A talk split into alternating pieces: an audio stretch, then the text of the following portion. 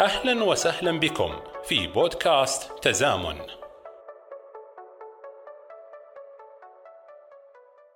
السلام عليكم ورحمة الله وبركاته. وأسعد الله مساءكم بالنور والمعرفة. هذه تحية لكم من عمادة التعلم الإلكتروني ومني أنا محدثكم محمد جار الله. تزامن لها من اسمها نصيب فهي تهدف إلى نشر العلم والمعرفة في كل زمان وكل مكان الآن وغدا. داخل الجامعة وخارجها لا يحدها زمان ولا يقيدها مكان تزامن تنقل لكم خبرات زماننا في شتى العلوم وعلى اختلاف التخصصات الأكاديمية والمعرفية تتيح الفرصة للتواصل تفتح النقاش عبر الزمان وبكل تزامن مع آماد المكان وآفاقه تزامن بوابتكم إلى الحرم المعرفي هل فعلا أصبحت الآلة تتعلم؟ ومن يعلمها؟ وماذا تتعلم؟ ما هو تعلم الآلة أو ما يعرف بال machine learning وما هي تطبيقاته وهل تستطيع الآلة تعلم أي شيء؟ هذه الأسئلة وغيرها يجيب عليها ضيفنا المتميز في تخصصه الدكتور فارس القنيعير آه، كبير علماء البيانات في الشركة السعودية لتقنية المعلومات سات حاصل على درجة الدكتوراه في تخصص هندسة هندسة وتصميم النظم من جامعة واترلو ومن اهتماماته البحثية تعلم الآلة تحليل الأنماط والتعرف عليها ومعالجة الصور وقد عمل على العديد من المشاريع منها التعرف على لوحات السيارات السعودية وغيرها. آه، حياكم الله مرة أخرى آه، أترك الميكروفون الآن لضيفنا آه، الدكتور فارس فليتفضل مشكورا. تفضل دكتور. السلام عليكم ورحمة الله وبركاته. أول شيء نشكر عمادة التعلم الإلكتروني في جامعة الملك خالد والأستاذ محمد على المقدمة. آه، في البداية غالبا أسأل في المحاضرات هل الصوت واضح؟ هل اللي ورا يسمعون؟ بس الحين أسألكم كلكم هل تسمعون صوتي بشكل واضح ولا لا؟ يمكن آه، أستاذ محمد أنت لو تجاوبني يمكن تصير ممثل عنهم. واضح واضح يا دكتور واضح.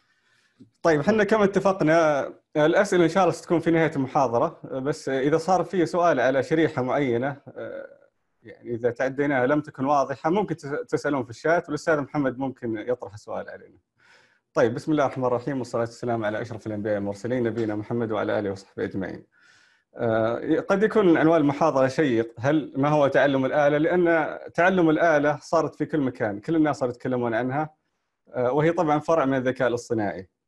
الهدف الأساسي من المحاضرة هو جواب عنوان وهو عنوان المحاضرة ما هو تعلم الآلة فعلا آه، بدون أي تضخيم إعلامي الهدف إن نعرف ما هو تعلم الآلة، نعرف تطبيقاته المتنوعة، ثم نعرف نعرف حدود تعلم الآلة وما لا تستطيع عمله. هذه الثلاث محاور الأساسية هي آه، هدف المحاضرة وبإذن الله المحاضرة مناسبة للجميع ولا تتطلب أي خلفية سابقة في علوم الحاسب. آه، في البداية سأعطي نبذة سريعة عن تعلم الآلة آه، والجزء الأكبر سيكون عن تطبيقات تعلم الآلة في مختلف المجالات ثم في الختام سأتحدث عن حدود تعلم الآلة.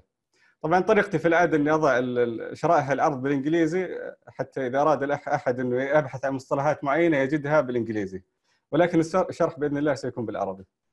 أه، قبل أن أتكلم عن تعلم الآلة سأتكلم بشكل عام ما هو الذكاء الاصطناعي. هو هو فرع من علوم الحاسب أه، فرع حديث نسبيا يعني تأسس في عام 1950 أو في الخمسينات أه، هدفه محاكاة آه، التفكير البشري، كيف يفكر العقل البشري؟ طبعا آه، كان في آمال كبيرة في البداية الخمسينات ولكن مع الوقت يعني عرفوا آه، التعلم البشري صعب جدا محاكاته فبدأ العلم يتفرع إلى فروع متعددة. إحنا يهمنا الآن تعلم الآلة، طبعا كل فرع لا يزال في تحديات كبيرة ولم تصل حتى إلى مستوى العقل البشري. فمن فروع الذكاء الاصطناعي آه، حل المشكلات problem solving perception الإبصار natural language processing معالجة اللغات الطبيعية والتخطيط وتمثيل المعلومات وتعلم الآلة والمنطق. كل فرع من هذه بحر كامل يعني يصعب يصعب أن نحصرها في محاضرة واحدة ولكن تركيزنا سيكون عن تعلم الآلة تحديدا. آه، ما هو تعلم الآلة؟ تعريفات كثيرة جدا في ال آه، آه، في الليترشر آه، في ولكن نختصرها بكلمتين. هي أن نجعل الكمبيوتر يتعلم أو نجعل الحاسب يتعلم يتعلم من نفسه. حتى أشرح الفكرة بشكل أبسط. خلونا خلونا نشوف كيف المبرمج يبرمج بالعادة. إذا عندك إذا كان عندك مهمة برمجية أول شيء تفعله إنك تفهم المشكلة. ثم تفكر كيف تحل المشكلة؟ ال logic أو ال flow diagram ممكن نرسمه. نفكر في المنطق البرمجي. كيف نحل المشكلة برمجيا؟ طبعا يمكن أغلب المبرمجين يعرفون ما أتكلم عنه. ثم نكتب البرنامج. ثم نخرج بالنتيجة وهي البرنامج. يمكن الرسمة اللي في الأسفل تبين يعني هذا بشكل مختصر. عندنا مدخلات أو بيانات وعندنا البرنامج والمخرج هو البرنامج. لغه برمجه والمخرج هو البرنامج اللي برمجناه. في تعلم الآلة المنطق معكوس نبدأ بفهم المشكلة ثم نأخذ المخرجات. أعطيكم مثال. مثلا عندنا مشكلة نريد أن نتوقع أسعار المنازل. طبعا هذه المشكلة ندخل ونعرف وش الخصائص التي تساعدنا في معرفة الأسعار في العادة. المخرجات هي أسعار المنازل. ثم ندخلها في برنامج أو خوارزمية تعلم الآلة. والمخرج هو نموذج إحنا نسميه موديل أو نموذج. هذا النموذج إذا أدخلت المدخلات يعطيك المخرج النهائي وهو أسعار المنازل. فالعملية هنا نعطيه المدخل والمخرج وهو يعطينا النموذج اللي يعني يوازي البرنامج بالبرمجة. هذا بشكل مبسط تعلم الآلة طبعا فيه إخلال بسيط هنا التبسيط يخل ولكن بشكل عام هذه الفكرة الأساسية ان أن نجعل الكمبيوتر يتعلم من نفسه. طبعا فيه فروع كثيرة جدا لتعلم الآلة وفي وفي أكثر من طريقة ولها أكثر من مدرسة بشكل عام غالبا تصنف يصنف تعلم الآلة تعلم الموجه supervised وتعلم الغير موجه unsupervised في الموجه يتم تلقين البرنامج. زي ما ذكرت قبل قليل تعطيه النتيجة مع المدخل. في التعلم الغير موجه يحاول البرنامج إنه يفصل المدخلات اليا بدون ما تعطيه أي تعلم. فمثلا عندنا أخبار عندنا موقع إخباري. يحاول انه يفصل الأخبار إلى رياضية ولا سياسية ولا اجتماعية من نفسه بدون ما نعطيه ال... بدون ما نعطيه مثلا نقول هذا الخبر رياضي هذا الخبر اقتصادي ومثل كذا. وتحت كل واحدة في الكثير من الخوارزميات في أيضا نوع آخر مو موجود في الرسمة وهو هو ال reinforcement learning هو supervised ذاتي ممكن نسميه لأن البرنامج يتعلم من البيئة اللي هو فيها. فمثلا السيارة السيارة تمشي سوني روبوت يمشي في الطريق فهو مثلا إذا ضرب في الجدار يعرف إن هذا الجدار فيتعلم فهو نوع من ال supervised learning ولكنه ذاتي ما يحتاج انك تروح تلقنه بنفسه. في نوع مهم يمكن نحتاج إن نتكلم عنه بشكل سريع وهو تعلم الشبكات العصبية خوارزميات الشبكات العصبية لأن في السنوات الأخيرة انتشر انتشرت نوع من الخوارزميات وهي ال deep learning أو التعلم العميق وهي يعني سبب كثير من النجاحات في مجال تعلم الآلة. التعلم العميق بشكل مبسط هو نوع من الشبكات العصبية. ولكن صارت يعني بشكل أعمق مما كان سابقا وبمواصفات يعني ممكن نقول أعقد بشكل مثلا صار في أنواع لم تكن موجودة قبل من قبل وبدل ما كان أول طبقتين أو ثلاث طبقات صرنا نصل إلى عشرات أو مئات الطبقات. فهذا بشكل مختصر التعلم العميق، التعلم العميق طبعا لأنه النموذج الخارجي يصير معقد فهو يستطيع أن يتعلم أشياء معقدة جدا في في تعلم اللغة اللغات الطبيعية وفي رؤية الحاسب تحديدا لأنها كانت يعني من المشاكل المعقدة التي لم لم تكن الخوارزميات البسيطة تستطيع أن تحلها. فهذا هو التعلم العميق. يمكن هذه الرسمة توضح ما هي إمكانيات تعلم الآلة. ففي العمود يعطينا مثلا البيانات أنواع البيانات التي ممكن أن نتعلم عليها. وفي الخط الأفقي المجالات التي ممكن أن نطبقها عليها. طبعا هذه كلها أمثلة فمثلا ممكن ممكن نأتي بمجالات غير مذكورة هنا. أعطيكم مثال على العمود الأول ال healthcare أو الصحة. مثلا في ال quantitative الأرقام ممكن ال medical records أو التقارير الطبية ممكن نتعلم منها آه، ونخرج منها بأشياء. ال text نفس الشيء النصوص. ال signals بتكلم عن ال EEG signal والإشارات الدماغية مثلا ممكن نتعلم منها.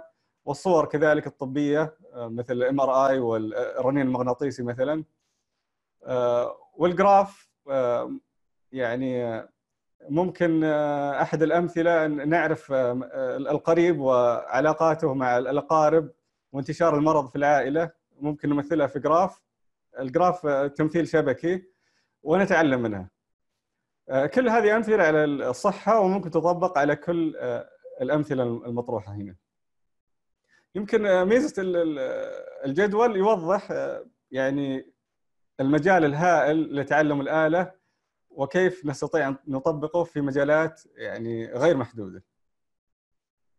آه، آه، الجزء الثاني من المحاضرة بتكلم عن آه، بعض المجالات وبعض تطبيقات تعلم الآلة لها ولكن قبل ذلك هذا سير العمل المعتاد في تعلم الآلة قد يتغير من مشكلة لمشكلة ولكن بشكل عام هذا هذا هو السائد.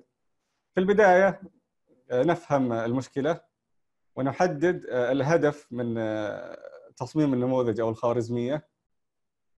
ثم نجمع ال data إذا لم تكن جمعت من قبل ونصنفها ونرتبها. وننظف ال data إذا صار فيها مشاكل. ثم الجزء تصميم النموذج ممكن نختار الخصائص المميزة أو آه، يصير الخوارزمية نفسها هي اللي تختارها.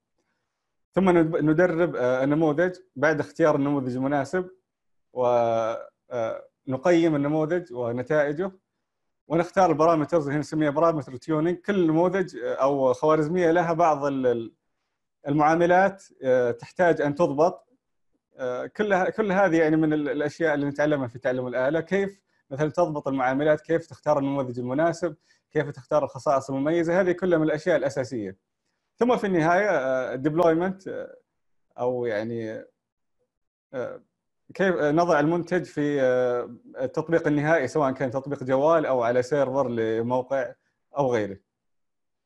فهذا هو سير العمل ممكن في أي مرحلة نرجع فمثلا في في تصميم النموذج ممكن نكتشف إنه نحتاج بيانات إضافية فنرجع إلى مرحلة جمع البيانات وهكذا. هذه هذه بشكل عام مراحل العمل في تصميم آه، برامج تعلم الآلة. طيب سأتكلم عن بعض التطبيقات هنا أول تطبيقين آه، والأول بالذات سيكون مفصل بشكل كبير جدا حتى أعطيكم كيف نفكر آه، عندما نصمم برنامج لتعلم الآلة.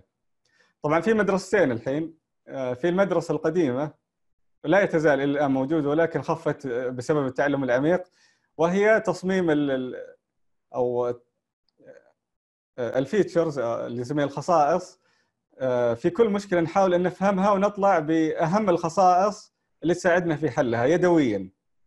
ونحتاج طبعا لأكثر من تجربة حتى نخرج بأفضل الخصائص.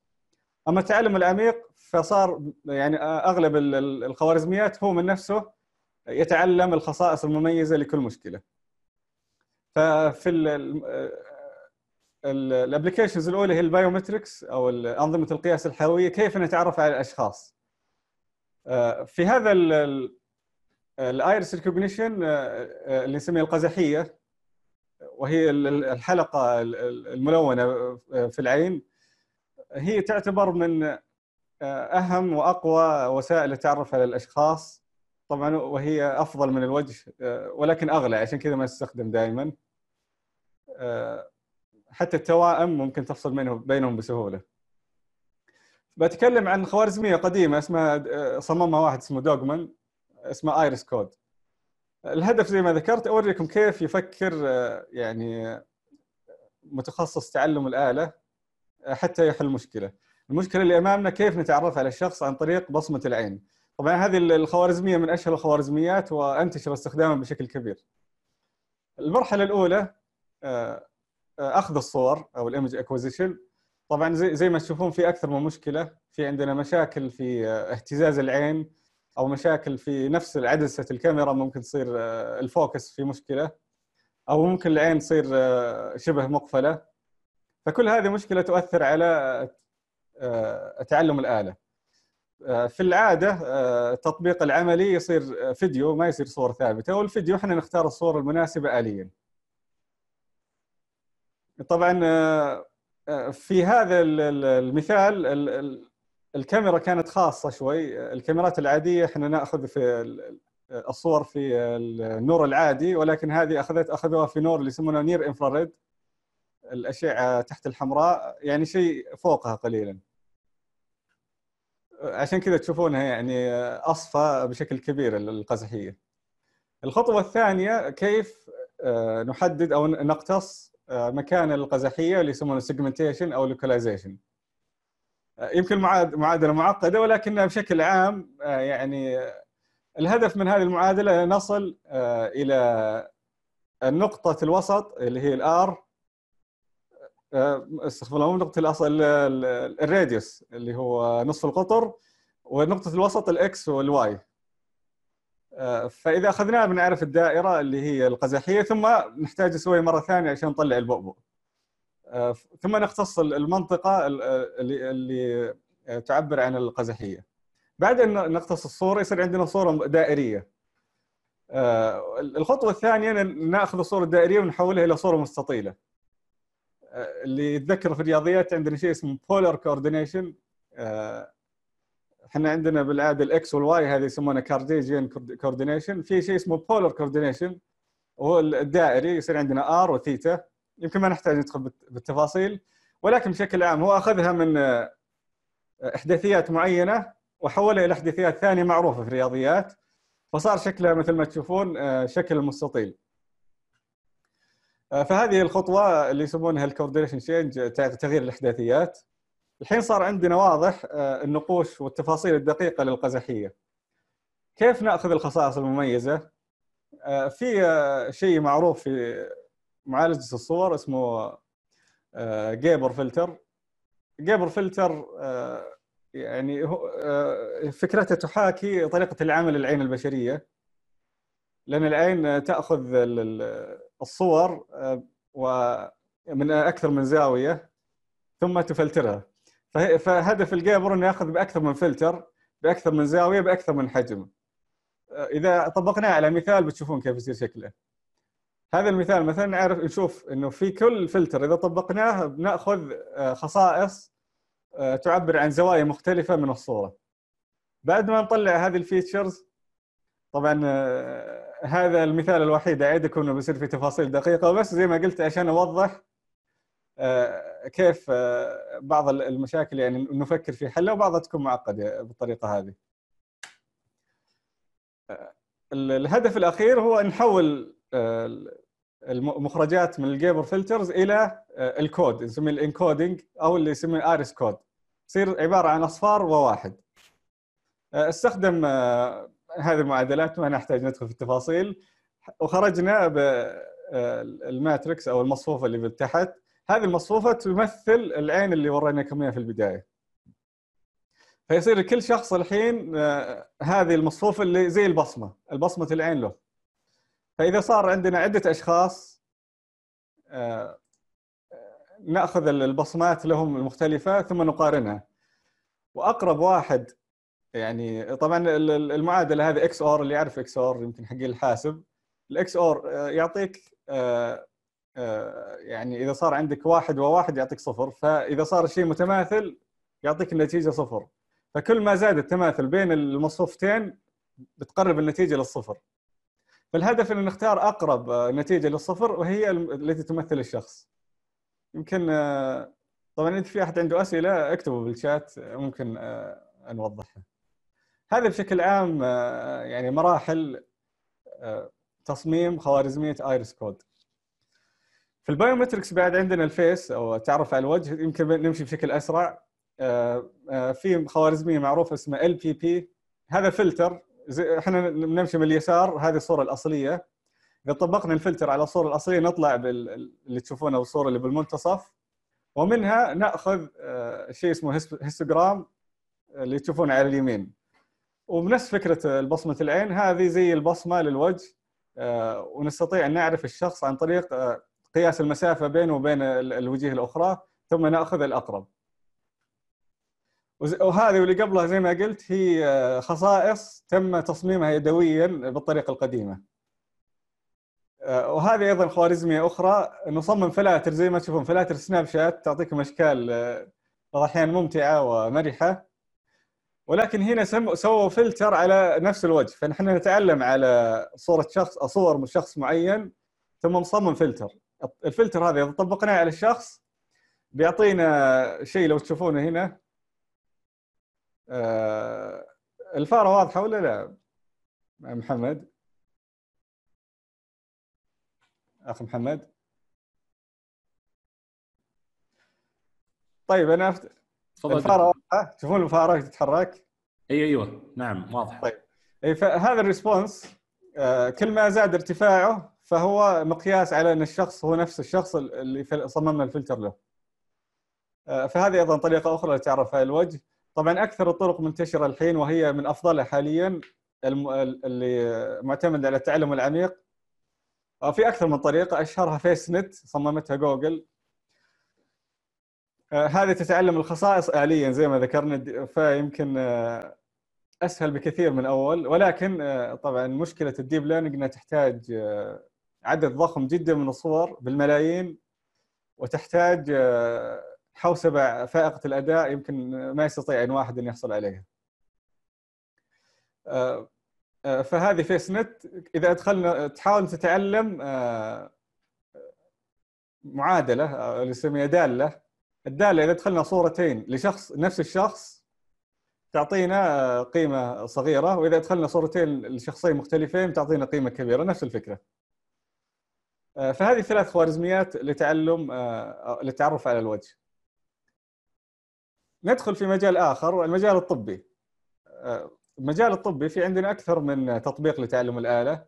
ممكن آه، آه، في دياجنوستيك أو التشخيص آه، ممكن نحاول نعرف العلاقات بين الأمراض. كيف مثلا إذا صار عندك مرض أو فلاني أو الأعراض فلانيه هل هذا دليل على إنه في مرض فلاني ولا لا؟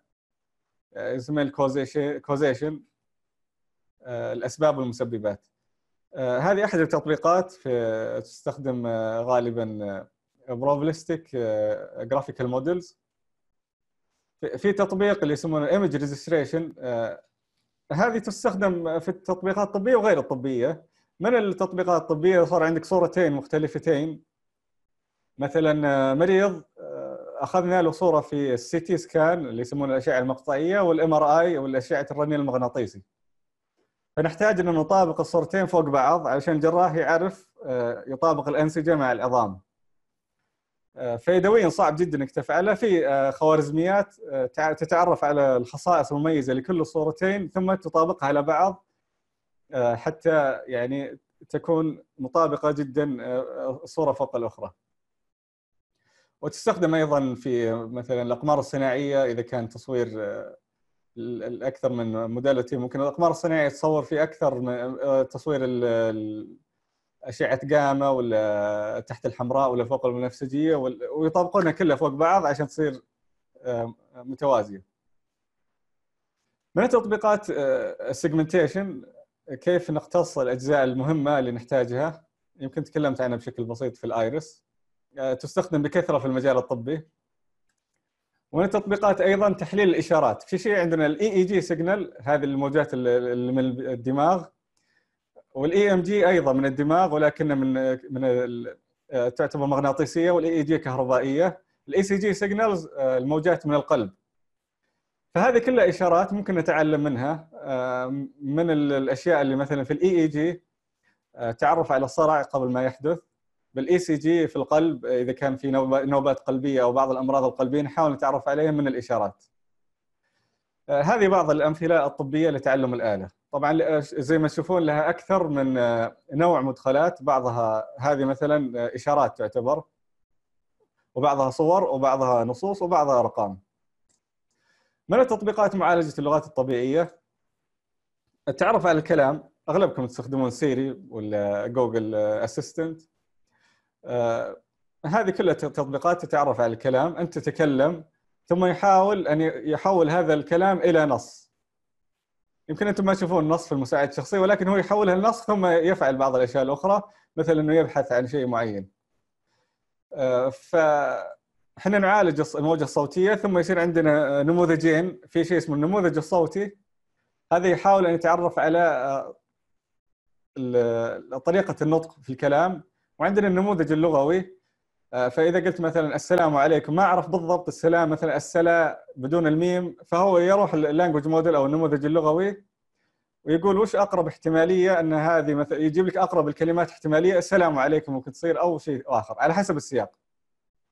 فبتعرف على الكلام غالبا يصير عند النموذجين هذه بنفس الوقت آه، حتى نخرج بنتيجة أفضل. آه، في شيء اسمه ال OCR أو optical character recognition عندنا مستندات إذا صورناها. آه، كيف نحول الصورة إلى نص قابل للتعديل؟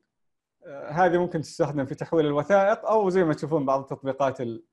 يعني لو ممكن تخطر على بال واحد فاتورة مثلا. آه، هذا تطبيق واحد سواه عشان يصور الفاتورة ويجمع مصروفاته اليومية.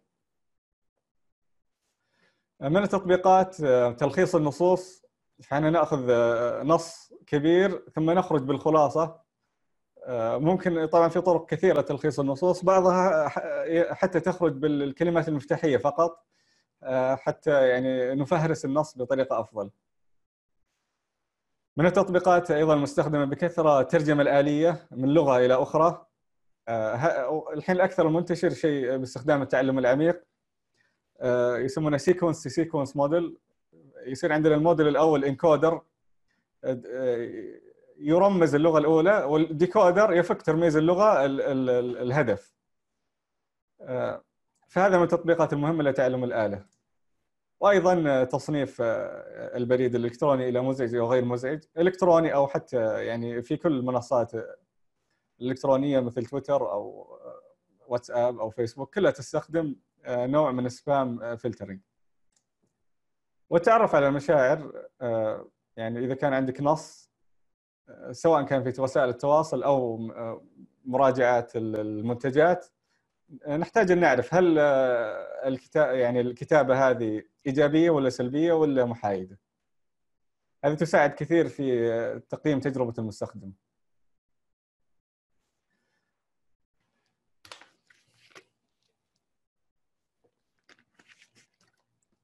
من التطبيقات أيضا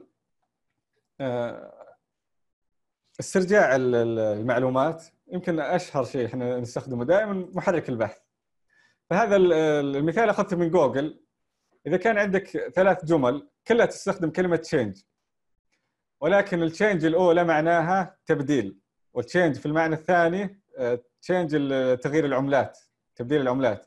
والمعنى الثالث ال adjust اللي هي آه، تعديل. فكل واحدة لها معنى مختلف تماما مع انه مستخدم نفس الكلمة. فالهدف كيف نعرف آه، معنى الكلمة من السياق؟ هذا شيء مهم جدا في آه، تطبيقات مثل محركات البحث. أيضا آه، البحث عن صورة عن طريق محتواها. فحنا هذه أيضا موجودة في جوجل. أنت تسحب الصورة ويجيب لك الصورة الأقرب لها. ما يحتاج مثلا تكتب زي هنا مثلا تبحث عن نمر ما يحتاج تكتب نمر. ابحث اسحب الصورة ويجيب لك صور آه، القريبة لها مثل النمور مثل هذه مثلا. آه، فهذا أيضا مهمه جدا. آه، زي ما تشوفون بالمثال هذا هذا تطبيق طبي. فيه نظام استرجاع بيانات content based retrieval في أكثر من modality ال modality يعني زي صور نصوص أو أرقام. الطبيب ممكن يبحث عن طريق صورة أو عن طريق مرض معين والنظام يرجع له آه، أقرب الأبحاث العلمية للشيء اللي طلبه. في تدمج أكثر من آه، modality أو نوع صور ونصوص وأرقام. آه، في المجال الزراعي طبعا لها أكثر من تطبيق أيضا هذا يمكن تطبيق بسيط هذا regression analysis إذا كان عندنا مدخلات نحاول آه، نتوقع المحصول في السنة آه، الحالية المدخلات ممكن تصير معدل المطر ولا درجات الحرارة والرطوبة العليا والدنيا وأشياء كثيرة مثل الرطوبة والتربه والسماد وغيرها. ممكن ان اتمت العملية بشكل أكبر عن طريق صور الأقمار الصناعية مثل هذا البحث. ياخذون صور الأقمار الصناعية على مدى أيام كثيرة. أو وزي ما تشوفون في الصورة هنا يعطيك المحاصيل لكل شهر. وبناء عليها ممكن تتوقع المحاصيل بناء على السنوات السابقة.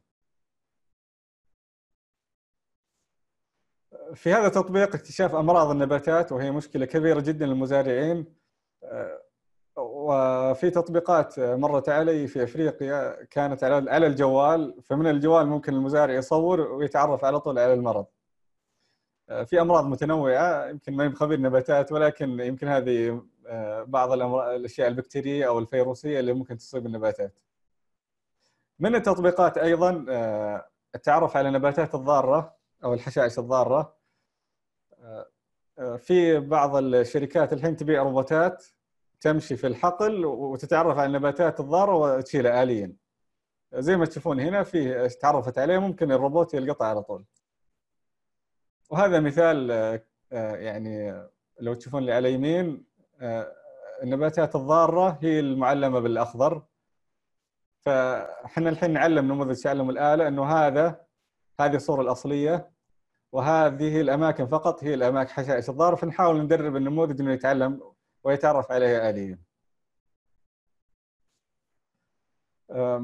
في في البنوك والأمور المالية يمكن أهم التطبيقات ال fraud detection أو اكتشاف الاحتيال وتستخدم بكثرة فيزا تستخدمها دائما يوميا عشان تعرف العمليات المشبوهة وتمسكها أو توقف حسابك إذا صار في مشكلة.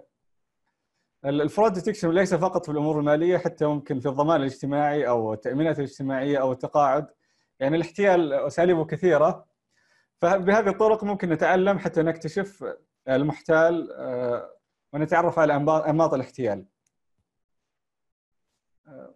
التطبيق الأخير في ال IoT أو ال industrial IoT أو ال utility مثل الكهرباء والمياه كيف نتعرف على المشاكل قبل حدوثها؟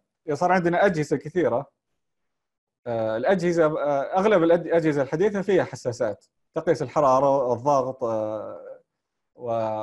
والاهتزازات عن طريق هذه القياسات ممكن نتوقع إذا كان بيصير فيه خلل ولا لا. قبل ما يصير. وحتى ممكن نسوي صيانة قبل ما يصير الخلل حتى يعني نوفر يعني تكاليف الجهاز إذا أطفأناه بعد أن يحدث الخلل. فالعملية ناخذ البيانات من ال sensors هي الحساسات.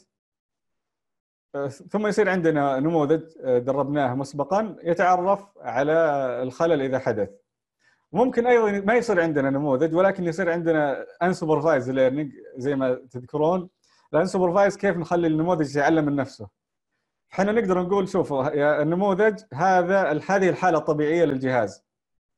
إذا صار في خلل غير القيم المعتادة فأرسل لي إنذار. فهذه ممكن نسميها unsupervised يصير عندنا baseline إذا طلعنا ال baseline ب يعني statistical أو بشكل إحصائي كبير يعطينا إنذار. زي ما تشوفون يعني عندنا تطبيقات كبيرة جدا طبعا اللي شرحته فقط جزء من الأشياء اللي مستخدمة حاليا والمجال يعني كبير جدا وليس له حدود. أتكلم عن التطبيقات ولكن الذي له حدود هي إمكانيات تعلم الآلة. يعني كل الناس دائما يسوقون لتعلم الآلة على أنها شيء يعني محاكي للعقل البشري. ولكن يعني لا نزال أمامنا طويل طويل طريق طريق طويل جدا حتى نصل إلى مرحلة العقل البشري. أول المشاكل أن عشان ندرب كل نموذج نحتاج وقت طويل جدا خاصة في نماذج التعلم العميق في بعضها تصل إلى أسابيع أو شهور. للمشكلة الواحدة. أيضا أغلب التطبيقات حاليا إن لم يكن كلها يسمونها narrow application أو narrow AI يسمونه يعني الذكاء الضيق. فمشكلة التعرف على الوجه لا تستطيع أن تحل إلا التعرف على الوجه فقط.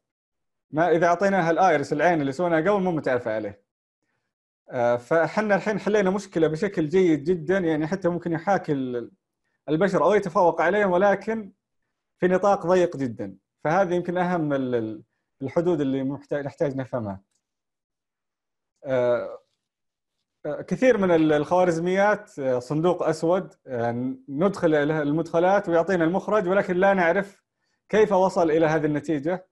التعلم العميق أحد هذه النماذج. آه، في بعض الخوارزميات زي ال decision tree ولا regression أو logistic regression ممكن نعرف الخصائص اللي ساعدتنا على الوصول إلى الحل ولكن التعلم العميق بشكل عام وهو المستخدم بأكثر شيء الحين آه، لا نستطيع بشكل جيد. في أبحاث الحين تحاول إن نصل إلى تفسير النموذج ولكن لا نزال يعني لم نصل إلى حل آه، كامل. آه، أغلب الخوارزميات آه، يمكن كل اللي عرضتها إلا آه، بال probabilistic graphical model تتعرف على العلاقات ولا. ولا تت... تستطيع حل المسببات أو معرفة المسببات فحنا مثلا إذا اعطيناك خصائص مثلا صورة وجه خلينا نشوف صورة الوجه أعطيناك صورة وجه وقال قال أنت فلان على أي أساس عرفت إني أنا فلان ما أقدر أفسره. آه، مثلا آه، حقة الزراعة. آه، عندنا خصائص مثلا إذا زاد المطر ولا زادت الرطوبة ولا التربة ولا الأسمدة عندنا خصائص معينة أعطاني مثلا اليلد أو المحصول المتوقع. ولكن هل فيه هذه العلاقة هو أعطاني العلاقة الحين ولكن هل مثلا زيادة المطر هي اللي مسببة مثلا ولا لا؟ أو هل هل في على هل في مسبب آه، بين زيادة المطر وخصوبه التربة؟ لا هذه كلها أشياء ما نعرفها. ال probabilistic graphical model نستطيع أن نحاول آه، أن نصل إلى المسببات نوعا ما ولكن أغلب النماذج لا نستطيع فقط نعرف العلاقة بين الخصائص والمخرجات. إحنا نتكلم عن تعلم الآلة، تعلم الآلة ما نستطيع أن نستخدمه بشكل جيد في التخطيط ولا في البحث مثلا زي زي ما تكلمنا عنه الذكاء الاصطناعي في فروع كثيرة منها البحث منها التخطيط منها الذكاء الاصطناعي منها تعلم الآلة. فتعلم الآلة له حدود معينة ليس هو الأفضل في المنطق والتخطيط والمشاكل هذه. أيضا من الحدود أن تحتاج تحتاج بيانات تدريب ضخمة جدا خاصة في التعلم العميق. وهذا تحتاج أيضا وقت وأجهزة قوية جدا للتعلم. أيضا آه، تعليم هذه البيانات أو ال labeling آه، مثلا زي النباتات. أعطيناك صورة نبات. نحتاج شخص يحدد لنا النبات الضار. هذه عملية تأخذ وقت طويل ومجهد ومكلفة أيضا. آه، ال bias أو الانحياز في البيانات هذه مشكلة يعني البشر قد يخطئون في تعليم البيانات والخطأ هذا سيدخل إلى النموذج الذي سندربه بناء على هذه البيانات. وهذه مشكلة كبيرة أيضا في تعلم الآلة. الخوارزميات التي تدرب على مشاكل مختلفة صعب جدا إنك تجعلها تشتغل آه، مع بعض. فكل تطبيق ندربه على نطاق ضيق ولكن يصعب أن ندمج بين النطاقات المختلفة بشكل سهل. والنقطة الأخيرة وأيضا منتشرة في السنوات الأخيرة اللي يسمونها adversarial attacks آه، فيه الحين هجمات ممكن نهجم على بعض الشبكات العصبية أو ال deep neural networks نقدر على سبيل المثال نقدر ندخل صورة ونغير فيها شيء بسيط غير واضح للعين البشرية ولكن نستطيع أن نخدع فيها النموذج فيخرج بنتيجة خاطئة. آه، بعض ال attacks حتى يسمونها pixel attack حتى نغير بيكسل واحد ونخدع النموذج. يمكن هذا أكبر مثال يوضح الحدود أو الفرق بين تعلم الآلة والعقل البشري. فرق شديد واسع جدا. آه، ويمكن نلخصه في في هذه آه، الجملة. Learning is not understanding. هذه أهم نقطة يمكن نحتاج أن نفهمها في الليميتيشن أو حدود تعلم الآلة. تعلم الآلة يتعلم الأنماط أو ولكن لا يفهمها. شيء أقرب إلى الحفظ. يمكن هذا هذا اللي يمكن ممكن نوضحها. أندرس هو لا يفهم. آه، لو أعطينا صورة سيكل لو رسمنا صورة سيارة برسم بسيط جدا ثم أعطينا سيارة حقيقية لن يتعرف عليها. ولكن إذا أعطينا طفل الصورة نفسها وريناه سيارة حقيقية سيتعرف عليها. يمكن هذا يختصر الفرق بين التعلم والفهم. آه هذا ما عندي وشكرا لكم على استماعكم. وإذا كان عندكم أسئلة ومداخلات يمكن الأخ محمد يساعدنا فيها. آه الله يعطيك العافية آه دكتور. آه صراحة الأسئلة كثيرة يعني في في الشات. فأتمنى إنه اللي لأنه ما شاء الله الأسئلة كثيرة فاللي آه، كتب سؤاله وراح علينا فوق يحاول إنه يعيد يكتب السؤال مرة ثانية. آه، دكتور آه، يعني يمكن أكثر الأسئلة في سؤال تكرر كثير يقول ما هي تطبيقات تعلم الآلة في التعليم؟ يعني أنت ذكرت المجال الطبي والزراعي وتقريبا عدة مجالات فالمجال التعليم نفسه والتدريس يعني وتعلم الطالب ما نصيبه من تعلم الآلة؟ آه، طبعا بتكلم عن الأشياء اللي سمعتها أنا غير مختص في التعليم آه، طبعا غير مختص في اشياء كثيرة تكلمت عنها آه، التعليم من الأشياء اللي مرت علي التعليم المخصص. فيصير يعني يتحدثون الحين عن أشياء الطالب. طبعا من المشاكل اللي نعرفها جميعا الحين الفصل فيه 20 أو 40 طالب. كلهم نحدثهم بنفس الطريقة وهذا غير صحيح لأن كل طالب له طريقة استيعاب مختلفة. آه، قد لا يكون ذكاء مختلف ولكن طريقة استيعاب مختلفة. فبعضهم بصري بعضهم حسي. تعرفون الأشياء هذه؟ فكيف نصل لكل طالب بالطريقة المناسبة له في التعلم؟ هذه من الأشياء اللي قد سمعت إنهم يبحثون فيها. جميل. آه، في شيء موجود أظن يطبق الحين في الصين. الفصول الكاميرا تعلق في الفصل. يمكن فيها مشاكل أخلاقية بس أنا اتكلم عنها بشكل عام. نتعرف على الطلاب كلهم الموجودين في الفصل ثم يعطيك تقرير عن كل طالب. حتى مثلا لو طالب آه، تثاءب ولا جاه نعاس ولا آه، سوى أي حركة مركز, إيه مركز يعني. إيه صحيح مركز أو غير مركز كلها تسجل. آه، بس أنا ما أدري عن أخلاقيتها هل هي صحيحة ولا لا. هذه تطبيقات هذا يمكن اللي يحضرني الحين. جميل. طبعا الآن يمكن ظهر الآن منصات جديدة للتعلم يعني تقوم بناء على مدخلات الشخص. فالشخص مثلا يدخل الأشياء اللي هو يرغب في تعلمها مثلا في مجالات معينة وبناء عليه يقترح له دروس معينة أو يقترح له كورس معين ويجمع له يعني ما في كورس محدد. يعني ممكن يجمع له أكثر من درس من أكثر من دورة بحيث انها تحقق المهارة اللي هو يحتاجها بالضبط فقط يعني. تقريبا هذه من الأشياء اللي آه، ممكن إنها تكون في المجال هذا برضه آه ممكن آه، يمكن يصير في شيء موجود ما أدري والله هو فيه تقريبا موقع اللينكد إن تقريبا في عندهم آه، المنصة التعليم الخاصة فيهم تطبق هذا النوع من التعلم اللي يعتمد على الذكاء الاصطناعي. إيه ممكن. دكتور بس معلش يعني لغير لو تشرح لنا لغير المختصين يعني أنت ما شاء الله بحكم تخصصك فاحنا يعني كغير المختصين لو يعني تشرح لنا بشكل مبسط ما هو تعلم الآلة؟ وش الفرق بينها وبين التعلم العميق؟ ولا هم اثنين زي بعض ولا إيش الف... لا التعلم العميق أحد خوارزميات تعلم الآلة. تعلم الآلة في خوارزميات كثيرة آه، من بعض من أشهرها والمعروفه اسمها خوارزميات التعلم الشبكات العصبية إذا سمعتوا عنها neural networks التعلم العميق آه، هو أحد آه، أساليب الشبكات العصبية ولكن بطبقات وحجم أكبر. يمكن هذا هو. فبشكل عام يمكن إذا كان الجواب التعلم العميق هو جزء من تعلم الآلة وليس شيء آخر. طيب آه، في سؤال هنا يقول لك ما الفرق بين تعلم الآلة وتنقيب البيانات؟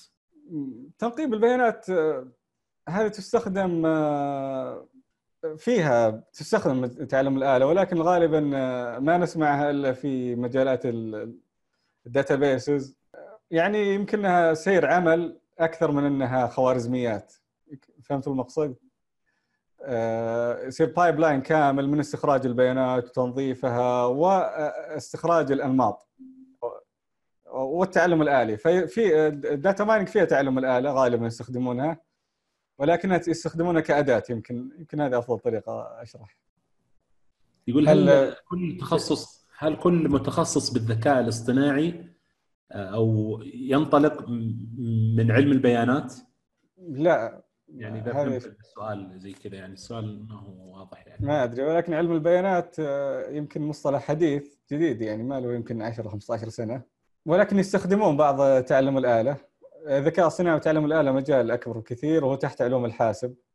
آه، يمكن مجال أكاديمي أكثر من علم البيانات يستخدم تعلم الآلة ولكن كأداة غالبا.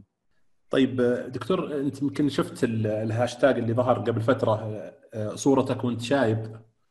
آه، أنا في أحد صورني وأنا شايب ما أدري. في تطبيق الآن انتشر اللي هو ال FaceApp. يقول لك إيه. جمع ما يقارب خلال الأسبوعين اللي راح تقريبا 80 مليون مشترك آه رقم مهول جدا هل هذا التطبيق يعني طبعا في ناس أصحاب الأمن السيبراني يحذرون منه إنه آه يسمح لك يعني يطلب منك إنك تسمح له إنه يدخل على الصور والخاصه فيك وكذا ويحملها يعني كنوع من التجسس فهل هذا التطبيق يعتمد على تعلم فكرة تعلم الآلة؟ خل الإجابة الأولى هل يسرق الصور ولا لا؟ مو بشرط أصلا إنه يدخل على الصور اللي عندك. في طريقتين إذا سوينا نموذج تعلم الآلة. إما ان نحطه على الجوال عندك أو اني احطه في server عندي وأنت ترفع الصورة عنده. فاللي يقولون حقين ال cyber security إنك أنت إذا ضغطت الصورة فهو يرسلها لل server حقهم. صح. وإذا وصلت عندهم عاد خلاص يقدرون يسوون اللي يبون فيها. إي لأنه هو التطبيق يحتاج إنترنت.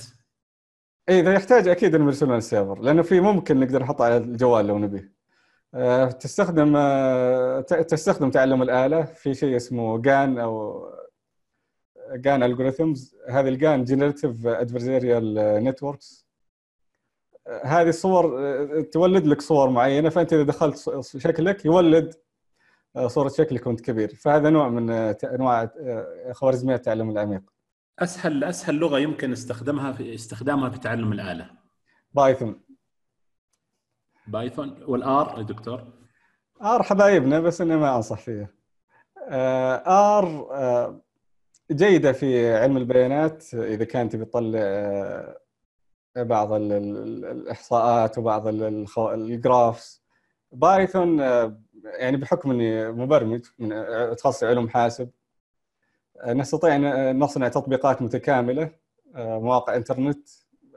فيعني من البداية للنهايه نصلح كل شيء فيها غير إن ال support من ال من ال community أو مجتمعات تعلم الآلة الأبحاث العلمية أغلبها أو كل اللي يعرفها تنشر في بلغة Python R للإحصائيين إذا في إحصائيين أكيد يحبون R ومجتمع الإحصائيين كثير في R فيمكن هذا إذا كنت إحصائي أكيد R أنسب لك. إذا كنت علوم حاسب Python أفضل لك.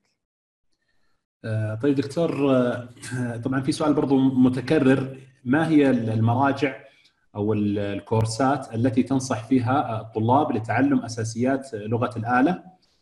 آه، هذا أعتقد إن الإجابة إليها يحتاج لها يعني مصادر وزي كذا. ممكن دكتور بعد المحاضرة إذا عندك وقت إنك ممكن ترد على تغريدة الندوة حقنا الليلة بالمراجع والمصادر اللي ممكن تضيفها بخصوص هذا الموضوع. اي في في شيء قد سويته قبل أتوقع إنه للحين مناسب يعني. ممتاز. المساعد الشخصي يدخل ضمن تطبيقات تعلم الاله صح ولا لا؟ في أكثر من تطبيق مساعد شخصي في تعرف على الصوت فيه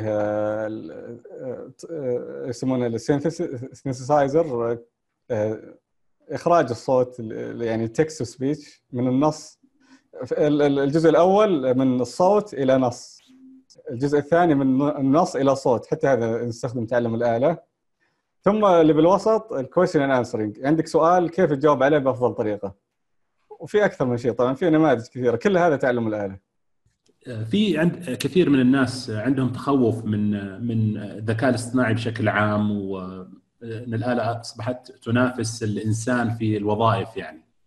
كيف تشوف مستقبل الوظائف مع هذه التطورات في الذكاء الاصطناعي وتعلم الآلة والتعلم العميق دكتور؟ والله هذا سؤال يحتاج محاضرة كاملة. بس آه، في مدارس كثيرة الصراحة أنا ما ما عندي جواب واضح. آه، البعض يقول إنه يعني تتغير طبيعة الوظائف هذا أتفق معهم. ولكن في وظائف أكيد ستختفي. إلى أي مدى؟ صراحة فيه يعني نقاش كبير جدا ما ندري. إلى أي مدى تستطيع الآلة أن تصل؟ يعني حتى الخبراء على مستوى العالم ما في أحد اتفق عليه. ما, طيب. ما أشوف إن الواحد يحتاج يخاف ولا هو هو آه، ممكن في وظائف راح تختفي لكن أكيد في وظائف راح تظهر. فيقودنا هذا السؤال ما هي الوظائف اللي ممكن يعني آه، تؤهل لها تعلم الآلة. يعني مثلا لو واحد مثلا استفاد من تعلم الآلة ودرس تعلم الآلة وتخصص فيها أو الذكاء الاصطناعي آه، كيف مجال التوظيف حيكون معاه أو ما هي المجالات اللي ممكن يتوظف فيها؟ طيب آه، في في بالنسبة للتوظيف المشكلة لازم نصير واقعيين في العالم العربي. غير الأكاديمية صحيح آخر واحدة سألت يمكن هي اللي اجابتها على الجرح.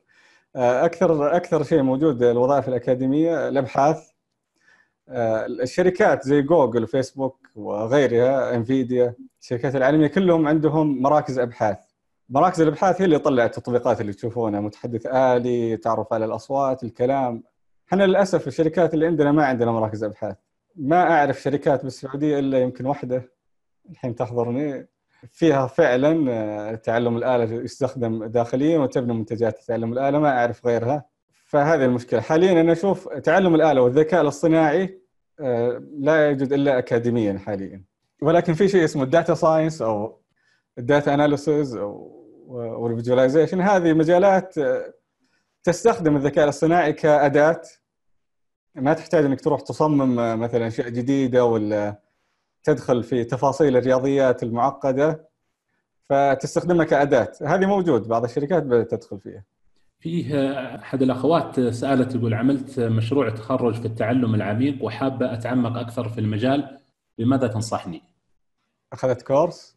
عملت مشروع تخرج في التعلم العميق أيه. وحابه تتعمق أكثر في هذا المجال بماذا تنصحها؟ أفضل نصيحة التجربة حاول حاول تطبقين أكثر شيء تقدرين عليه. في مثلا آه، منصة Kaggle اللي يعرفها K A G G L E هذه فيها تحديات كل فترة فيها قواعد بيانات كثيرة. ممكن تدخل احد المشاكل تحاول تحلها اللي كتبها آخر واحد صحيح. وفيها مجتمع نشيط جدا إذا صارت له مشكلة تقدر تسأل ويجاوبون عليها. أنا أشوف إنه أفضل مجال الحين. بعدين ممكن تسوي أي شيء خاص فيها يعني تطبيق جوال مثلا أو يعني آه، المجال مفتوح وكبير جدا. آه، في سؤال هل يمكن استخدام آه، تعلم الآلة لتشخيص الاضطرابات النفسية والعقلية عن طريق رسم الدماغ؟ أذكر إنه في بعض الأبحاث بس إني ما أدري الصراحة نتائجها هل هي جيدة ولا لا ما أدري ما أدري والله بس في أبحاث آه، في سؤال هنا هل تم استخدام التعلم العميق لتصنيف النصوص العربية أم فقط على مستوى تعلم الآلة؟ إيه موجود إيه موجود فيه موقع معين مصدر ممكن يرجع له السائل أو السائلة؟ تصنيفها يعني زي وشو تحليل المشاعر مثلا؟ لا تصنيف النصوص العربية النص العربي. تصنيفه إلى وشو مثلا؟ تحليل المشاعر يعتبر تصنيف نصوص تصنيفه إلى مشاعر. بس وشو التصنيف طبعا شيء عام. ممكن تصنيف أخبار ولا تصنيف يعني بس التصنيف بشكل عام موجود. إيه العربي وقديم. من المسائل يعني مو بصعبة مرة من سهلة إلى متوسطة. لو لو تبحث في العربي أظن لو تبحث في جوجل تلقى يعني أشياء في التصنيف العربي.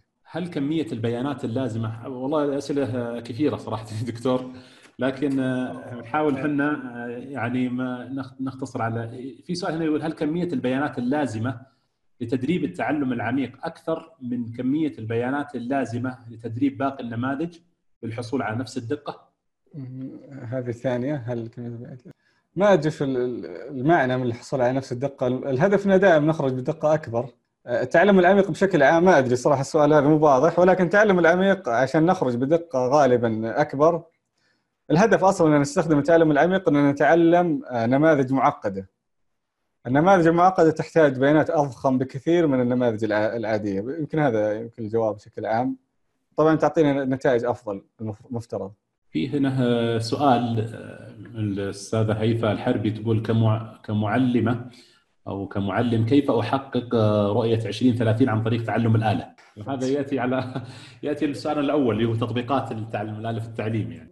تعتمد على صراحة خيالك، إحنا إذا عرفنا إمكانية تعلم الآلة وحدودها وممكن يعني نحاول نفكر ببعض التطبيقات اللي تتوائم مع رؤية 2030 بس ما في شيء يعني الآلة من نفسها مو مسوي شيء. يعني البشر هم الذين يقودون التغيير غالبا. ما هي فرص تطبيقات الذكاء الاصطناعي في الوطن العربي؟ اللغة العربية يعني طبعا في كل شيء كل اللي ذكرته موجود بس عشان نصير يعني في وضع تنافسي اللغة العربية يمكن غير مخدومة بشكل كبير أه، هل بالإمكان إدخال الذكاء الاصطناعي في مجال القضاء يكون في قاضي تدخل مدخلات يعني المدعي والمدعى عليه وبعدين الكمبيوتر يطلع لنا الحكم، إيش رأيك دكتور؟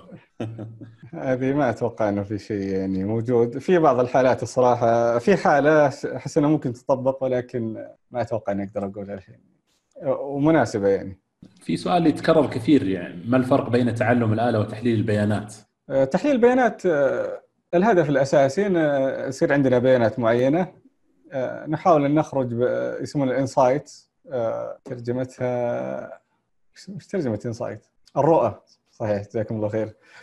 إيه، نخرج برؤى معينة. آه، أنت عندك شركة مثلا آه، آه، عندك عندك مؤشرات الأداء عندك بعض الأمور. فودك طبعا في أكثر من مجال ممكن تعرضها على لوحة معلومات. هذه يسمونها descriptive analytics التحليلات الوصفية. ممكن تدخل إلى التعلم العميق وتخرج بالتحليلات التنبؤية. تحاول إنك تتنبأ ببعض الأمور المستقبلية. آه، تحليل البيانات ممكن تحاول تعرف العلاقة بين الأشياء. آه، ليش مثلا السنة هذه كان الربح زيادة؟ ليش أكثر من السنة اللي فاتت؟ وش الأسباب؟ كل هذا يدخل في تحليل البيانات. مو بشرط في ذكاء اصطناعي أو تعلم الآلة ولكنك من البيانات تحاول إنك تفهم آه، أو تجيب عن بعض الأسئلة اللي لها علاقة في البزنس.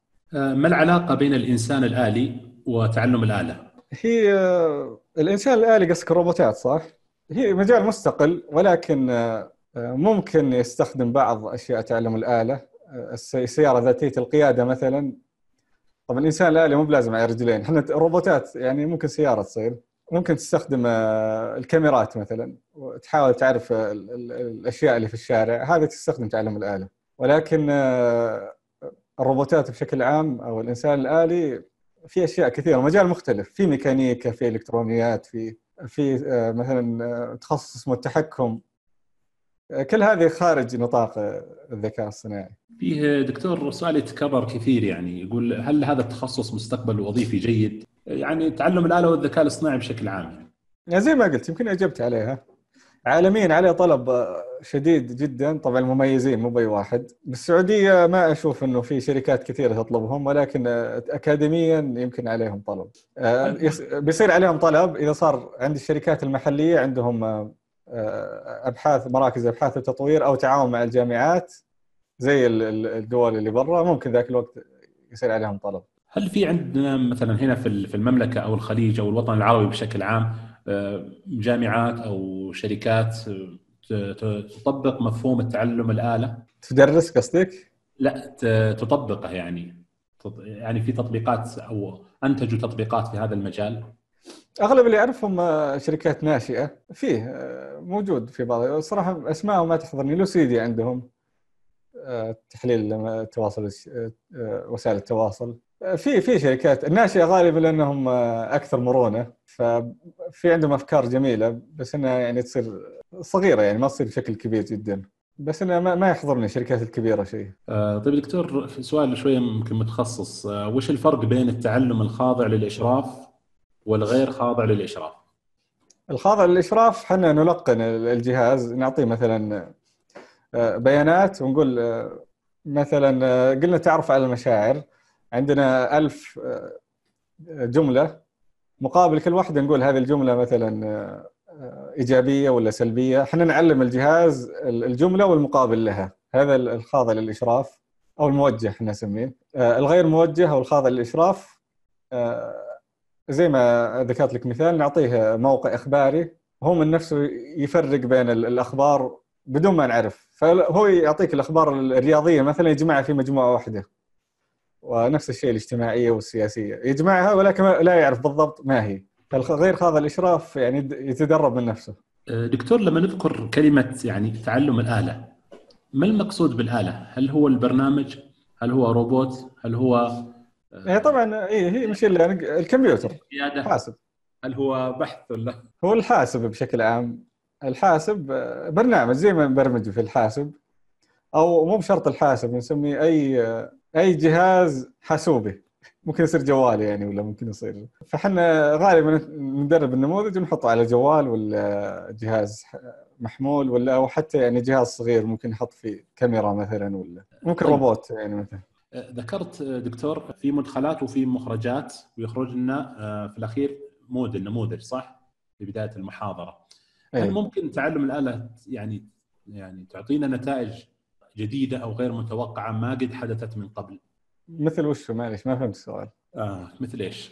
آه سمعت أنا قصة سمعت أنا قصة قبل فترة إن جوجل آه علموا علموا المترجم إنه يترجم من اللغة آه، الإنجليزية إلى آه، اليابانية وعلموه إنه يتعلم من يترجم من اللغة الإنجليزية آه، إلى تقريبا الصينية واكتشفوا بعد ذلك إنه المترجم عرف يترجم بين الصينية واليابانية من تلقاء نفسه بدون أي تدخل من المبرمجين.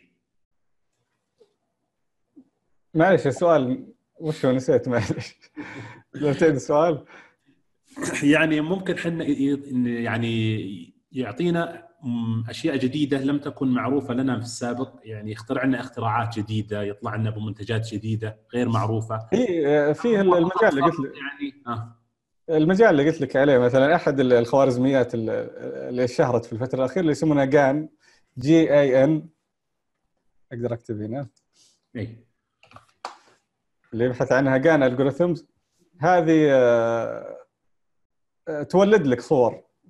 صور يعني حتى الحين مثلا تعطيك صورة شخص يعني كأنه حقيقي وهو غير حقيقي. وممكن آه، تعطيك صور أي شيء.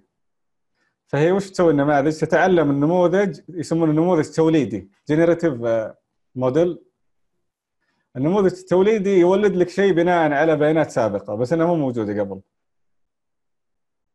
طبعا ممكن نماذج توليدية تستخدم حتى لتوليد الكلام توليد أخبار توليد فأنت تعطيه أرقام ويطلع لك الخبر كامل مثلا. جميل. آه الله يعطيك العافية آه دكتور. حقيقة الأسئلة يعني آه كثيرة جدا. ويعني أنا أشوف الآن الشات اللي لسه ما نزلت لتحت تقريبا في عندي 339 رسالة لسه new message يعني. لسه ما أعتقد لو قعدنا إلى الساعة 12 ما بنخلص الأسئلة حقيقة. لكن والله إحنا ودنا نجيب على كل الأسئلة ونعتذر عن آه، كل الأشخاص والأخوة والأخوات اللي ما قدرنا نجاوب على أسئلتهم.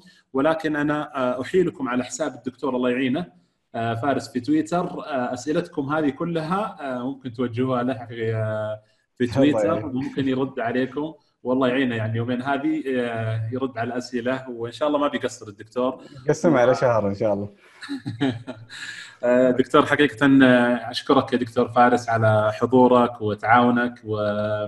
وتقديمك لهذه الندوة الجميلة والرائعة وإجابتك على الأسئلة الكثيرة حقيقة. ودنا كان عندنا الوقت أوسع ونجيب على كل الأسئلة ولكن يعني لضيق الوقت والآن تجاوزنا. تقريبا 13 دقيقة فوق الوقت المسموح لنا في هذه الندوة. فإن شاء الله آه، لنا لقاء يتجدد بكم بإذن الله. عندنا الأسبوع القادم برضو ندوة الأحد القادم ندوة إلكترونية برضو متخصصة في الأمن السبراني مع شخص ودكتور متخصص في هذا المجال. فنراكم إن شاء الله بإذن الله في ندوتنا القادمة. وباسمكم وباسم عمادة التعلم الإلكتروني وجامعه الملك خالد نشكر الدكتور آه، فارس آه، على هذه الندوة. ونلتقي بكم في ندوات قادمة بإذن الله. اللي سألوا آه، بخصوص الشهادات بالنسبة للندوات الإلكترونية نعتذر لا يوجد شهادات آه، لحضور الندوات الإلكترونية. وبإذن الله في عندنا منصة أخرى آه، اسمها منصة KKUx فيها دورات وفيها برامج وفيها شهادات تعطى شهادات موثقة من جامعة الملك خالد. ممكن نحيلها لكم ممكن تدخلون عليها. اكتبوا في جوجل KKUx آه، منصة مفتوحة للجميع. ممكن تشاركون في الدورات آه، اللي يعني تهمكم فيها. وأستودعكم الله على أن نلتقي بكم في ندوات قادمة. والسلام عليكم ورحمة الله تعالى وبركاته. السلام عليكم.